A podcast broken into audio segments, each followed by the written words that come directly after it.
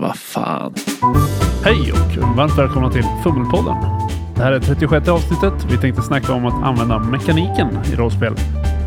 Hur viktigt är det att reglerna tillämpas? När är det läge att slå tärning? Och när är det bättre att bara låta samtalet flyta? Då rullar vi igång. Jag heter Lukas. Jag heter David. Jag heter Ed. Vi har ju börjat det här året med att spela lite tradd igen. Det snackar vi om i årskrönikan att göra. Spelar i Numenera-världen som är så här post, post, post, post, post, post, post, post, apokalyps, sci-fi, fantasy. Ja, det är väl så här fantasy som låtsas vara science fiction ibland. Fantasy som befogas genom science fiction. Ja, det är i alla fall väldigt långt in i framtiden så att man fattar inte tekniken som finns kvar från gamla generationer. Och sådär. Mm. Men regelsystemet, det var lite för trädigt. så vi har kört på ett hack på ett system som jag har jobbat på som heter Vindkraft. Det är ju en tradd i grund men eh, ganska mycket indie-inslag. Indie-influerat tradd. Vi pratade lite i årskrönikan om att det var lite problematiskt med indiespel för att det blev mycket mekanik och lite karaktärer. Våran erfarenhet av de spelen vi testade i alla fall. Ja. Nu har vi börjat lite mer med tradd igen. Och då har jag nästan börjat uppleva att lite mycket karaktärsspelande, lite, lite mekanik. Aldrig är man nöjd. Framförallt, vi har inte använt reglerna sådär jättemycket. Men det har ju varit mycket rent prat. Vilket har gett tydligare rollpersoner. Men jag tänkte, du har ju spelat det där och lite så ansvarig för regel. Ja, och jag tror att det är lite symptomet av min spelledarstil just att jag inte använder mekanik lika mycket som vi gjorde när vi spelade indie-spelarna där mekaniken är A och O. Och jag tror, vi har ju liksom haft en vilja att utforska rollpersonen sinsemellan på det sättet. Så jag vet inte riktigt, i samtal tror jag att tärningslagarna gärna får ta ett baksäte, i alla fall för min del. Ja, David. Jag sitter här och bara vill säga saker. Prata klart, jag ska så här Ja, lägga nej, ja, in precis. sen. Det får komma en counter-argument. Jag har också känt efter spelmötena att det har varit situationer där vi har flugit förbi ett läge för ett tärningslag.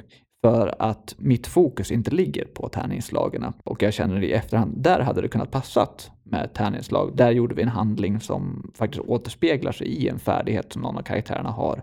Eller kanske inte har. Och det blir intressant att se hur tärningarna skulle påverka deras misslyckanden. Just det. Och just att jag då inte får upp ögonen för tärningarna i spelets gång. Det jag kan tänka mig råder bot på det skulle kunna vara någonting i att om spelgruppen observerar ett läge för tärningslag, Ja, vilket är lite intressant för att vanligtvis när man spelar på tradit så där så vill man ju lyckas med sina handlingar. Så om jag för narrativet tillåter ett lyckande för att man hoppar över ett tärningslag så saboterar ju ni för er själva genom att utmanas med. Okej, nu måste Ja, jag, jag vet, lägga mig jag, ska, jag, har vet, jag vet. Ja, jag vet. Varsågod. Jag håller inte med att, inte ens i tradd tycker jag att man vill lyckas med allting. Jag tycker fortfarande att misslyckanden är intressanta även i tradd. Det beror på vilken ton man har i gruppen och hur man spelleder. Att är det verkligen spelgruppen mot spelledaren och spelledaren är lite asig. då vill man inte hålla på att misslyckas. Nej, men jag vill inte spela ett sånt spel här. Nej, men Så att- bara lite Och, och, och, och, och även om vi inte håller med om varandra om allting. Ingen håller med någon. Nej, exakt. Det är ingen av oss som är ett as mot den andra, utan vi har alla trevligt tillsammans och alla Jag vill ha roligt Jag gör så tillsammans. gott jag kan. Optimalt. Ja. Förlåt, det var inte meningen att stirra stint på dig, Lukas. Jag tycker fortfarande att det är kul med misslyckandena, Mm. oavsett vem av oss som spelleder. För det är så långt har vi kommit i den här gruppen. Förlåt, jag har tappat tråden. Säg någonting någon annan. Ja, jag tänkte sticka in med det. Det var lite min vädjan också och därför jag efterfrågade det här ämnet. Att just öppna upp det. Att när ni märker ett läge för ett tärningslag i vårt spelande så eh, uppmana till det. Ja, bra. För där hade jag någonting att säga och dra i. Och det är att det finns någon slags idé om att det är spelledarens uppgift att hålla koll på reglerna och, och kräva saker när det är dags att kräva typ slag eller färdigheter eller någonting.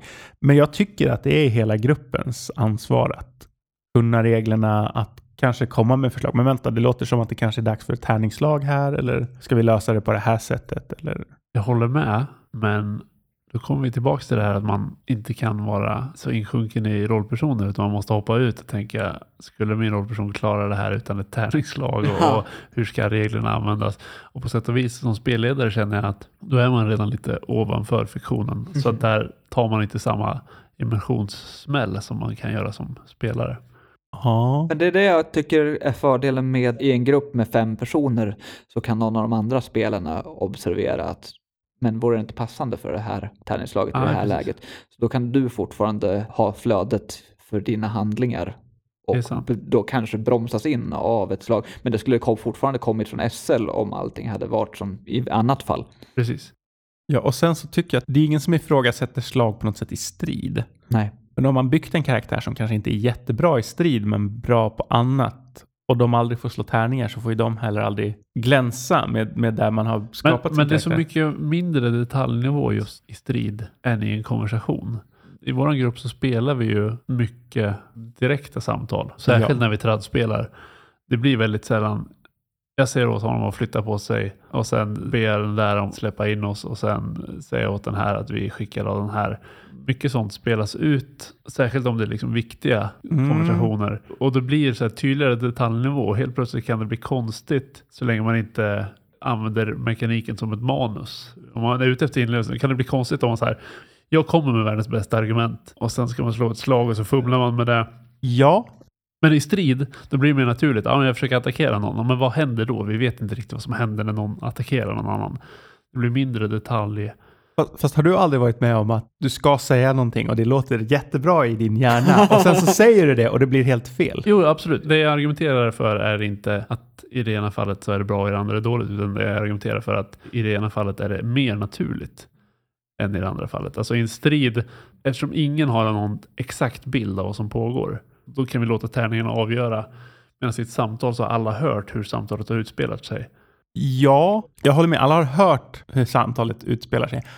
Men man har inte upplevt allt runt omkring i samtalet. Man har inte upplevt vad de andra karaktärerna gör. Det är sant, men om du ska attackera någon så är det sjukt invant att då slår vi en tärning. Och man vet precis när den tärningen ska slås. Den ska slås för att se om attacken träffar eller inte. Men om någon säger så här, vad håller du på med? Då kan det vara lite mer subtilt. Försöker vi fråga ut och få reda på någon hemlighet? Kan den här personen bli provocerad av det man säger? Är det säkert att vi får någon information i det här fallet? Nu ska det slås ett tärningsslag. För att det kan ha varit 12 repliker innan det som känns naturligt att bara ha ett vanligt samtal. Absolut, absolut. Jag håller med i det du säger. Att det är jätteinvant att slå tärningar i strid. Ja. För där har man liksom fått mönstret. Och att i samtal så är det inte lika invant och där känns det därför onaturligt. Jag skulle säga att mönstret är lite diffusare Det är det absolut. också. Men jag tror att det handlar om en övningsfråga också. Öva sig och träna på att Det tror jag också. lära sig vart man Jag ska tror slå som jag har formulerat det i, i reglerna, jag har inte tänkt på hur det är formulerat i andra regler,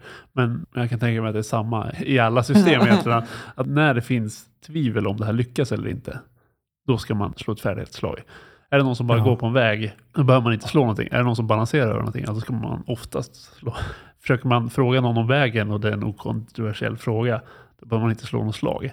Men om man försöker få fram hemlig information från någon som verkligen inte vill dela med sig av den, då måste man slå ett slag. Absolut. Jag menar mest att det kan vara lite diffust. När ställs en Ja. fråga som är lika tydlig som en attack? Vi har ju diskuterat under våra samtal i efterhand runt Blades-kampanjerna vi har spelat.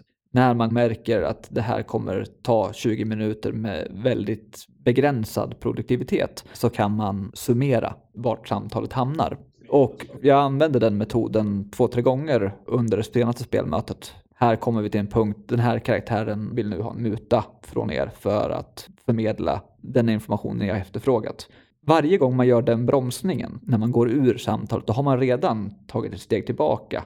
Ja, då är det ju väldigt smidigt med ett slag. Och framförallt, det skulle kunna vara intressantare. Istället för att du säger den här personen vill ha en muta så säger man nu behöver vi slå ett slag för att se hur den här personen reagerar. Och så slår man ett slag.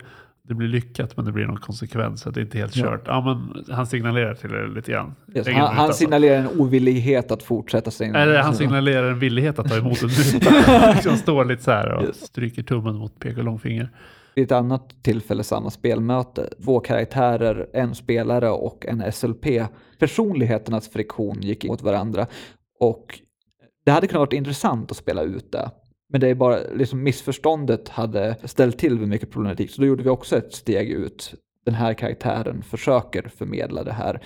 Där skulle missförståndet kunna bli en konsekvens Mm av ett tärningsslag, en bieffekt för ett misslyckat tärningsslag. Men jag tror att det där är en bra riktlinje. När man känner som spelledare eller som andra spelare att nu är det någonting som är på gång att hända. Hur ska det här gå egentligen? Så fort man har den tanken, då ska man slå ett slag. Yes. Tror jag är riktlinjen som du säger David, som man måste träna in. Ja, men lite så. Och det är klart att det är svårt och jag, jag är inte perfekt på det heller. Men det, det har funnits några gånger när jag har varit i min karaktär och känt, men vänta nu, varför pratar vi fortfarande? Varför har vi inte slagit något slag? Ja. Mm. För det är uppenbart vad jag vill och det är uppenbart att den andra karaktären inte vill lämna ifrån sig det här. Nej, precis. Då är det bättre läge att slå ett slag än att ha samma.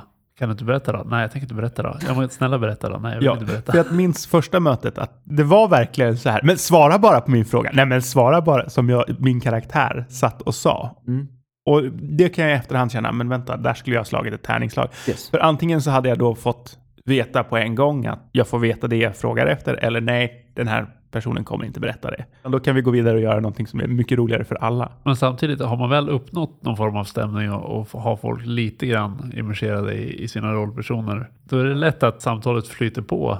Det blir ett naturligt samtal. Ja, för där gick vi för- aldrig ur samtalet. Där var det hennes, att hon blev intimiderad av din barska.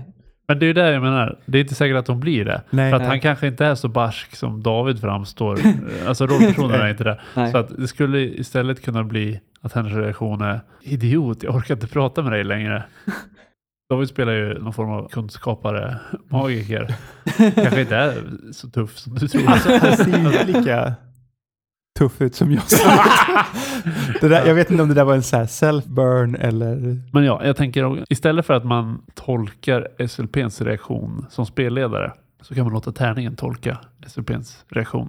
Och sen kan man ju kanske avgöra beroende på mekaniken hur det slaget kommer se ut. Om man förolämpar någon direkt då kanske det är ett slag för att undvika sammandrabbning. Om man bara ställer en fråga som är lite känslig då kanske det, konsekvenserna är inte lika allvarliga. Så att man kan fortfarande ta hänsyn till vad som sägs men tärningsslaget gör fortfarande fiktionen intressantare. Och framförallt med det här regelsystemet nu, för att vi spelade ju för, nu är det så pass länge sedan, där det var ännu mer traddigare regler, där det var rena lyckas eller misslyckas. Ja, binär utfall. Ett misslyckande där var, okej, vi kommer inte vidare för att nu händer det här. Och då kändes tärningsslagen katastrofala om de misslyckas, eller okonsekvensfulla för att om det tar slut så dör karaktären här och SL får hitta en workaround. Mm, det är inte jättekul. Medan med det här nu där man får konsekvenser av misslyckanden och man vet hotbilden med riskfaktor som Man får till och med konsekvenser av lyckan Ja, ibland. precis. Så blir det en smakökning av rollspelandet. Man får extra tidbits till det snarare än att det blir direkta stopp. Ja, men det är just det med det binära som blir lite tråkigt. Man bara får ja eller nej. Men det kan vara intressant om man får ett ja, men, eller om man får ett nej och. Ja, och till och med med det binära så måste det inte vara heller att nej, det här är kört, utan det här är nej, den här lösningen är körd. Hitta en annan lösning. Men det får man ju i tradspel som ofta är binära får man ju inte direkt hjälp med det som spelledare att tolka hur man ska använda det. Så att det blir ju nästan lite husregler. Alltså det jag menar är, där är det väl upp till spelarna att hitta en annan lösning. Ja, Så länge inte SL dödar karaktären vid första misslyckandet. Så här, om det skulle hända på ett misslyckat samtalsslag Oh. så skulle jag nog inte spela så himla länge med den spelledaren heller. nej.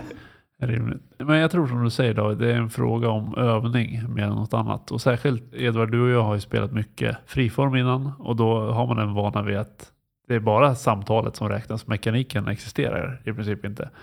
Vi har varit inne på indie och det, ofta är det så pass annorlunda att där kan det vara lättare att lägga till sig nya vanor. Medan när vi faller tillbaka i trad, vi gick från trad till friform, morfades till friform. Då tror jag att det är rimligt att man kommer tillbaka i liksom den. Mm. Man faller tillbaka i gamla banor. Ja.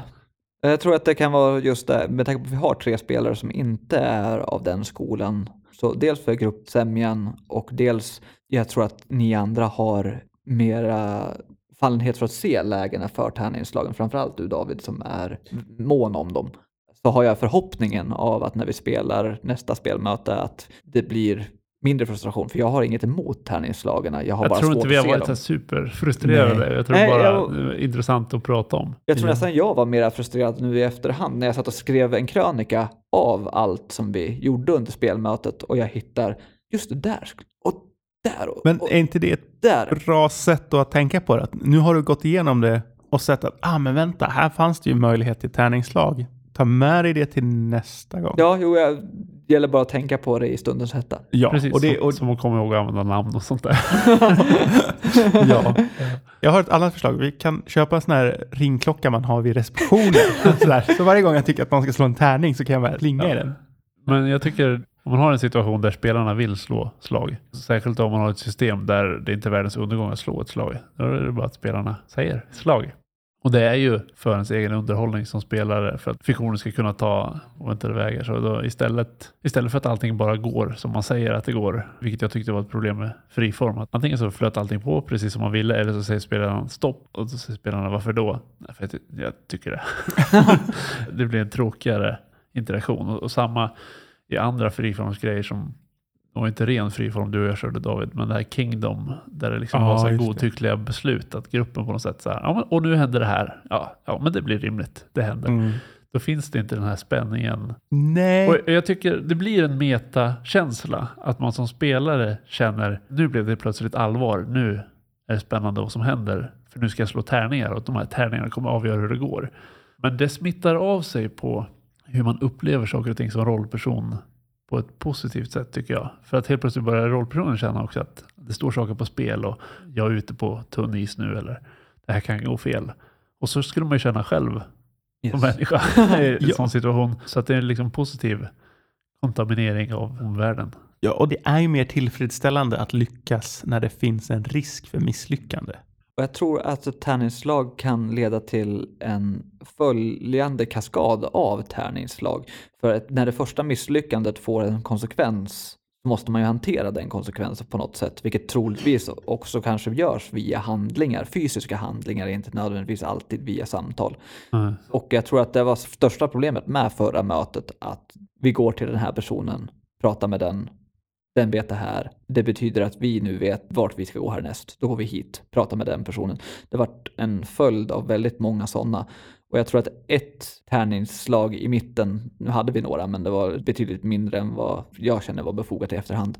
Jag tror att några av dem hade kunnat bryta upp det här mönstret och fått fysiska handlingar att blandas in naturligt. Lite så. En annan sak som jag har tänkt på är att när jag spelar lite indie så har jag inte varit så intresserad av vad som händer. För att allting har känts lite godtyckligt och meta. Men nu när vi kör det här så är jag mer investerad i rollpersonen och har mer inlevelse. Vi spelar ju rollpersoner som har förlorat i princip alla sina minnen och vi håller på och försöker ta reda på dem. Så att helt plötsligt så är jag intresserad av jag är intresserad av vad vi gör. Både som spelare och som rollperson. Och det gör att man kan komma undan med att ha lite mindre spänning. Medan när jag inte var så engagerad i handlingen och rollpersonen, då var på något sätt tärningslagen var enda sättet att få saker som var intressanta att hända och bli engagerad i spelandet. Vi pratade ju foil och karaktärsskaparmönstret förra avsnittet och jag tror, eller jag är väldigt tacksam över att vi hade det de här första två mötena för att nu har jag sett jag måste åtgärda det här på det här sättet genom att få in tärningslagarna för att jag vill förmedla en bättre rollspelsupplevelse med mera fysiskt inslag mellan konversationerna. Det behöver inte vara fysiskt. Det Nej, nej, men jag har en förhoppning att det faktiskt kommer kunna bli det också. Ah. Men om vi inte hade haft upplägget med en dynamisk karaktärsskapande där man interagerar på det sättet så tror jag att det hade blivit tillbaka vart vi hade varit när vi körde tradd senast. Ja, för senast vi körde tradd, då blev det verkligen så att ingen hade någon tydlig rollperson och rollpersonerna hade ingen tydlig relation till varandra. Och det enda vi var gick och pratade med folk och fick information som ingen var intresserad av. Ja. Som du säger, nu finns det helt plötsligt element där folk är lite mer nyfikna på sin karaktär för att de inte vet vad det är för karaktären. Folk är nyfikna på de andras rollpersoner för att de har hört lite om dem off och tycker att det verkar vara en intressant rollperson. Men de vet ingenting om den heller. De vet ingenting om världen. Kommer man undan med lite mer sporadisk infodamp eftersom man är intresserad av information. I alla fall inledningsvis. Så jag tror att det kommer kanske inte fasas ut, men det kommer behöva kompletteras. Men det har ju med vilka val vi som spelare gör också. Nu har vi faktiskt tagit initiativ till att gå och prata med folk och försöka bilda oss en bild Ja. av läget och, och vad som har hänt. Ska man ta ansvar som spelledare där och säga ja men nu verkar ni fatta tråkiga beslut, nu ska jag göra något roligare. Ja, fast ibland så är Ibland. det faktiskt Ja. spelledarens uppgift. Det finns ju en anledning till varför det finns random encounters-tabeller och den typen Jo. av... Det, men det kan finnas någon tanke där. På samma sätt som spelarna kan lägga sig i, lägga sig i inom citationstecken, spelledarens uppgift genom att säga nu är, aktivera reglerna, tärningslag vill vi ha. Så kan man som spelledare lägga sig i spelupplevelsen. Att nu gör ni saker som ni har tråkigt av. Jag tror att det blir roligare om vi slänger in den här grejen. Ja. Som sagt, det är en gruppaktivitet, man hjälps åt, man försöker coacha varandra, få den roligaste upplevelsen för alla. Ja, men ja, ja, så är det helt klart. Och som sagt, det är lätt att fastna i gamla banor och invanda rutiner. Så att, att hjälpas åt och påminna varandra jag är en jättebra lösning. Ja, men det är det. Absolut. Och inte vara för hård mot sig själv heller, eller mot varandra. Att, att liksom... Ja, fast jag har ju, i det dagsläget så ser jag det inte som bortom räddningsgränsen. Men det är ju just det där när vi har haft diskussionen om problematik som har uppstått tidigare så blir man ju mera uppmärksam på när samma mönster uppkommer. Och då kan det ju vara så att jag reagerar på det tidigare. Jag vill inte att det ska hamna Det är där. väl toppen. Alltså, Jo, eh, ja. För hittills, mitt intryck är att alla har gått hemifrån mötena ganska nöjda som spelare i alla fall. Ja, men det var kul, vi lärde oss mer om våra rollpersoner, vi utforskar fortfarande det här och, och det var en trevlig kväll. Så jag tror det är ingen som har gått hem och bara ah, ska vi gå dit nästa gång? Det. Men det är jättebra om du upplever det så. Och när du säger det så kan jag, jag har liksom haft lite samma upplevelse att om det blir så här i fem möten till då kan det bli lite monotont eventuellt. Men om vi börjar avstyra det redan nu tror jag det har inte varit något problem och då avstyr vi att det kommer bli ett Ja. problem. Mm. Det är lite samma sak när vi hade samtalet om eh, handouts och sånt där. Vad är konsensus angående det här så att vi kan se vart vi behöver det här åtgärdas? De här podcasterna i dagsläget har blivit ganska mycket mitt bollplank för att se hur SL-hanteringen bör Men någonstans så tycker jag att det är viktigt också att man ska ju vara bekväm i det själv. Man har ju en stil och man kan inte skräddarsy sig själv och förändra hela sin presentation. Jag kommer alltid, tror jag, när du spelade kunna säga att ah, men det kunde vara mer tärningslag där och det kunde vara Ja. mer tärningslag där och det kunde vara mer. Men poängen är inte att du ska slå knut på dig själv för att göra mig till lags. Nej. För det blir inte bra för dig. Jag har ju väntat med att spelleda tills nu när vi är tillbaka på tradd och låtit er ta Du tyglarna. spelade lite Blades. Ja, lite. Ja. Men även där hade vi ju undertonerna att de mötena jag spelade fanns det en betydligt mera utförlig bakgrundshistoria med jag beredde på mer än vad Blades krävde. Jo visst, men det där är ju subjektivt också. Det är kontextberoende. Att I Blades så kanske det blir lite överflödigt. Men i det vi spelar nu så är det ju nästan det som har varit hela grejen på många sätt.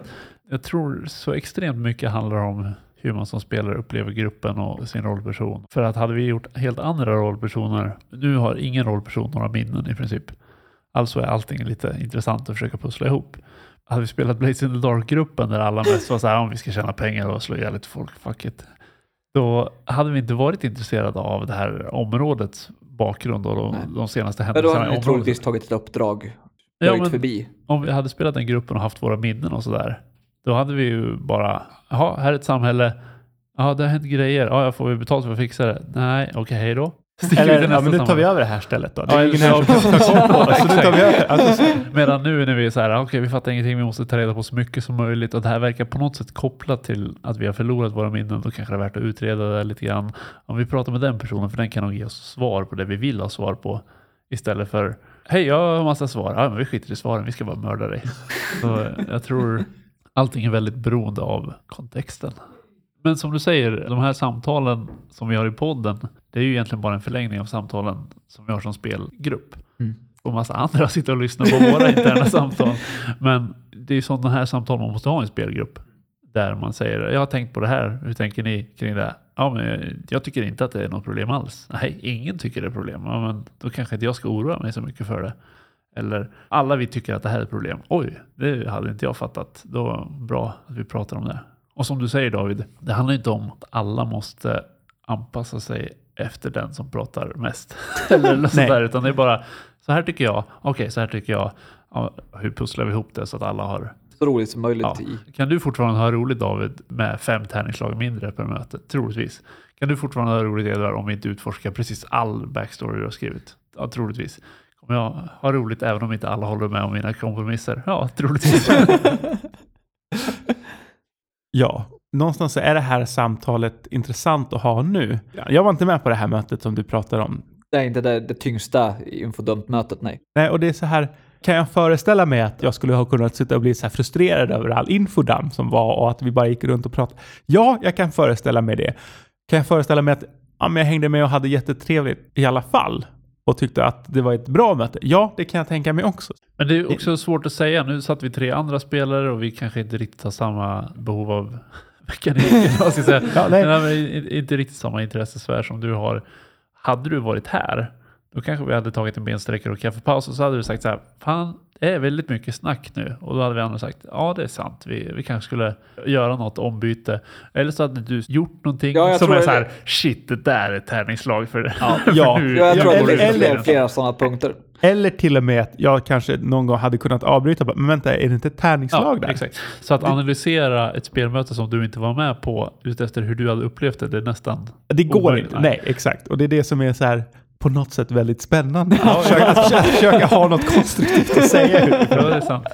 Men vi spelar ju som grupp så att det är bra att få lite verktyg att göra det ännu bättre nästa gång och förhindra problem som skulle kunna komma på horisonten. Det är väl Och perfekt. Ta det lugnt.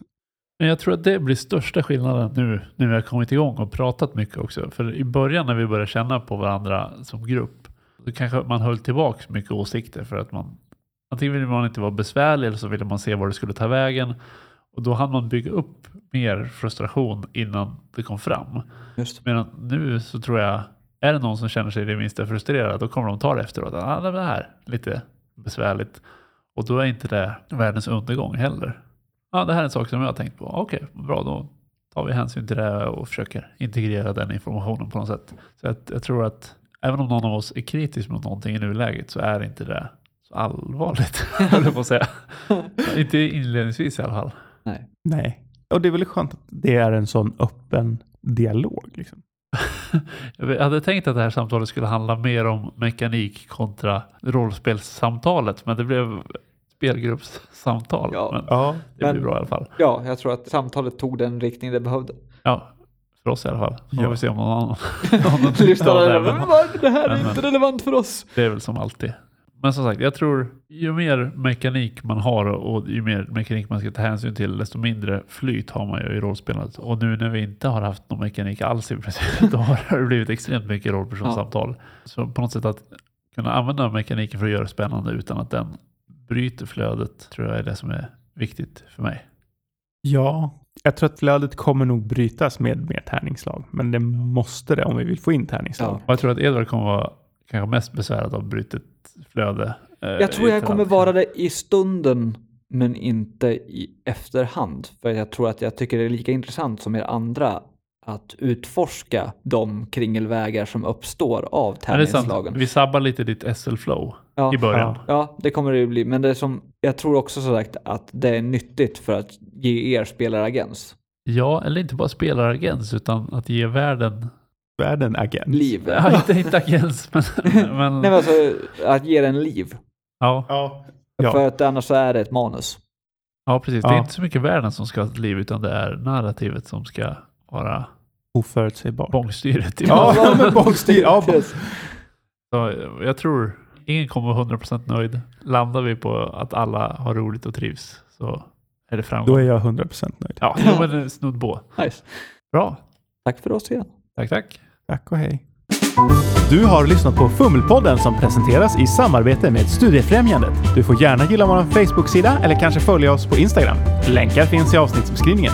Har du feedback eller tips på ämnen, hör av dig via sociala medier eller skicka ett mejl till info.fummelpodden.se.